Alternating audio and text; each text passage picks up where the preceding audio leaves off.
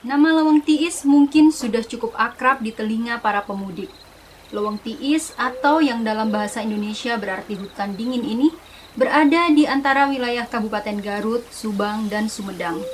Mitos dan kisah mistis berbau klinik tentang arwah gentayangan, dedemit atau jin penunggu yang terkait dengan kawasan ini pun sudah kerap terdengar dan justru menjadi tantangan tersendiri bagi pemudik saat melaluinya.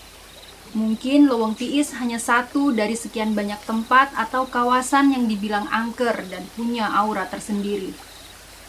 Faktanya, jalanan di sepanjang kawasan-kawasan yang disebut angker itu memang kerap meminta korban. Bukan hanya dari sudut kontur jalanan dan kondisi yang memang berbahaya, kejadian-kejadian misterius dan menyeramkan juga kerap dialami oleh para pemudik.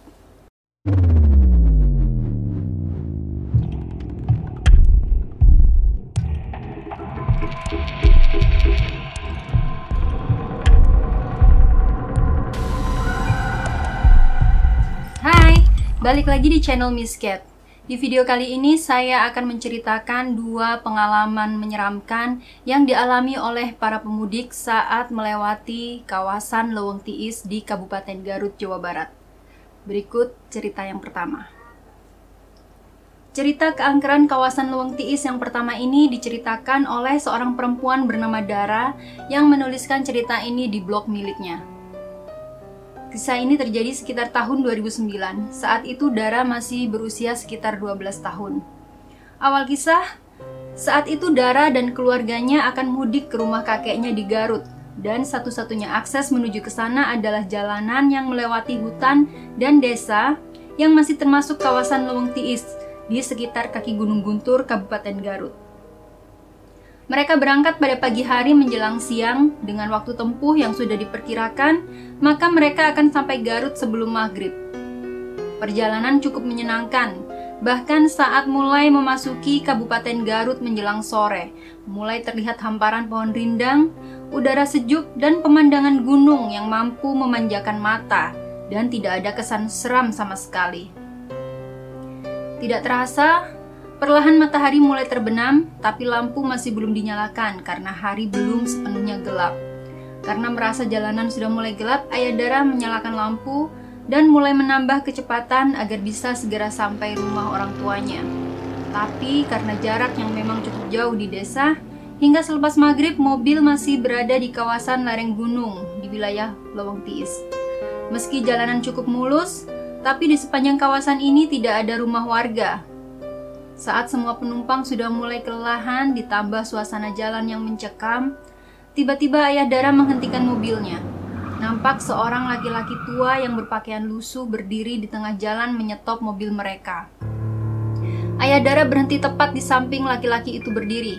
Tanpa mengatakan apa-apa, laki-laki itu hanya memberikan isyarat bahwa dia meminta rokok. Meskipun merasa aneh karena ada orang sendirian di tengah hutan, tapi Dara dan keluarganya berusaha untuk tenang, dan ayahnya pun lalu memberikan sebatang rokok pada laki-laki itu. Laki-laki itu kemudian juga meminta api untuk menyalakan rokoknya. Saat akan mengambil korek, tiba-tiba laki-laki itu sudah tidak ada lagi di tempatnya berdiri, menghilang tanpa jejak, dan tidak ada seorang pun yang melihat laki-laki itu pergi atau berlalu. Dara yang saat itu masih belum terlalu paham dengan kejadian yang baru mereka alami, hanya terdiam meski pikirannya terus bertanya-tanya dengan kejadian misterius yang baru saja terjadi. Ayah Dara tetap terlihat tenang dan perlahan kembali menjalankan mobilnya, melanjutkan perjalanan menuju rumah orang tuanya. Beberapa menit setelah kembali menyusuri jalan, Ayah Dara menjelaskan tentang kawasan yang sedang mereka lalui saat itu. Kawasan Lewang Tiis yang memang terkenal angker karena jalanan di area hutan itu jarang dilalui manusia, apalagi setelah matahari terbenam. Konon warga yang tinggal di luar kawasan itu pun takut untuk melintas di daerah itu selepas maghrib. Dan memang semenjak memasuki kawasan hutan itu, mobil yang mereka tumpangi adalah satu-satunya kendaraan yang lewat di situ. Mereka sudah tidak menjumpai kendaraan lain melintas selama beberapa jam. Ayah Dara juga mengatakan bahwa biasanya dia membunyikan klakson saat memasuki kawasan Luweng Tiis. Tapi karena sudah terlalu lelah, Dia lupa membunyikan klakson sebagai tanda meminta izin untuk melewati kawasan itu. Dan syukurlah setelah kejadian itu, perjalanan menuju rumah kakek Dara sudah tidak mengalami gangguan dari makhluk halus lain penunggu kawasan itu, dan mereka sampai tujuan dengan selamat. Kisah menyeramkan dicegat oleh hantu peminta rokok di kawasan Lewang Tiis ini juga pernah diceritakan oleh orang lain dan diunggah di salah satu media online yang cukup populer di Indonesia. Kemudian, kisah misterius yang kedua yang juga dari kawasan Luang Tiis adalah legenda hantu Nyi Gelis yang sering menampakkan diri pada para pengguna jalan yang melewati kawasan Luang Tiis. Nyi Gelis ini sering menampakkan diri sebagai perempuan cantik yang memakai kebaya. Ada juga yang melihat sosoknya sebagai perempuan cantik berkebaya merah dengan kain batik rereng khas Jawa Barat dengan rambut disanggul. Tapi saat diperhatikan, maka ada hal yang menakutkan dari raut wajah cantik Nyigelis ini, yaitu kedua matanya bolong atau berongga. Ada juga yang menyebut bahwa Nyigelis ini adalah gadis Sunda yang meninggal karena bunuh diri lantaran tidak mau dijodohkan dengan seorang kompeni Belanda oleh orang tuanya. Legenda lain menyebutkan bahwa Nyigelis adalah Nyi Gandrung Arum yang dulunya bertapa menanti jodoh dari tempat pertapaannya yang dipagari oleh pohon beringin. Tapi, kisah apa pun yang melatar belakangi mitos tentang hantu kebaya di kawasan Lewang Tiis ini, yang pasti mereka adalah jin yang hanya ingin menunjukkan eksistensinya di kawasan itu tanpa ingin diganggu oleh kehadiran manusia. Satu kisah tentang penampakan hantu kebaya merah ini pernah diceritakan oleh seorang netizen dalam sebuah thread. Sebutlah namanya Tito. Tito menceritakan pengalaman aneh saat mudik dengan menggunakan angkutan umum yaitu mobil elf. Karena beberapa wilayah di Jawa Barat tidak dilalui bis besar, tapi hanya angkutan yang lebih kecil semacam mobil elf itu. Saat itu dia adalah salah satu penumpang di mobil elf itu.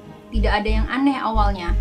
Di dalam mobil itu hanya ada dia dan beberapa orang lainnya yang sama-sama menuju beberapa wilayah di Kabupaten Garut.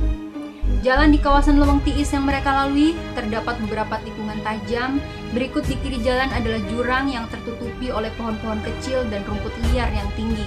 Di kanan jalan membentang tebing dengan pohon-pohon yang menjulang tinggi, berikut rumput dan pohon-pohon kecil, membuat mata terasa sejuk saat memandangnya.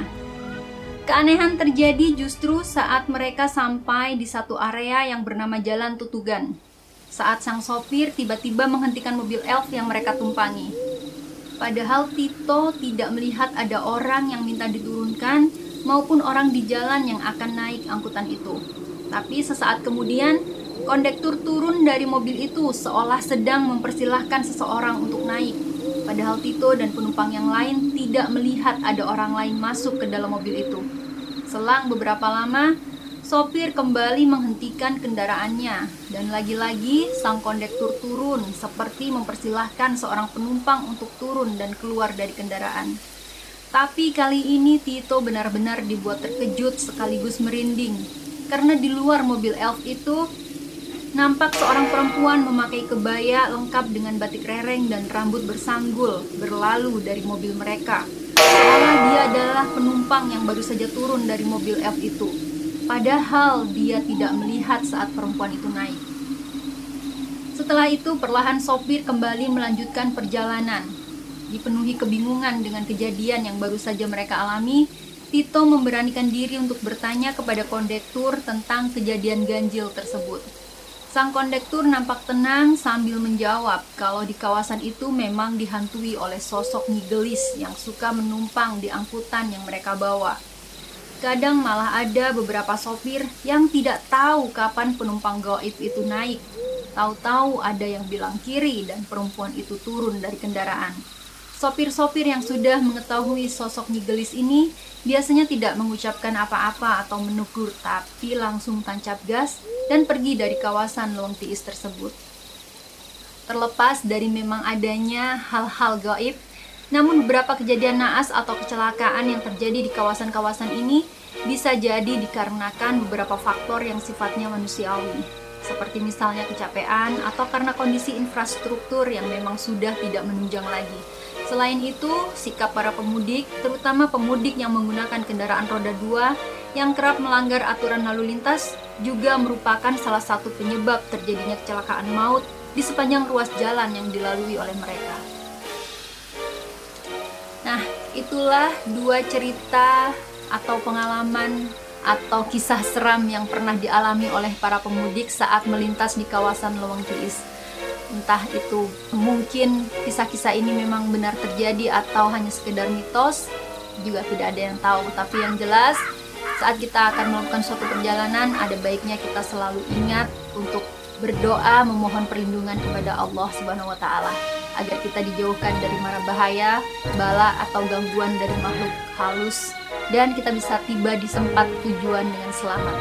Oke, kalau kalian suka dengan video tadi, jangan lupa subscribe dan klik like dan nyalakan tombol lonceng agar kalian dapat notifikasi saat saya update dengan video yang baru. Sampai jumpa.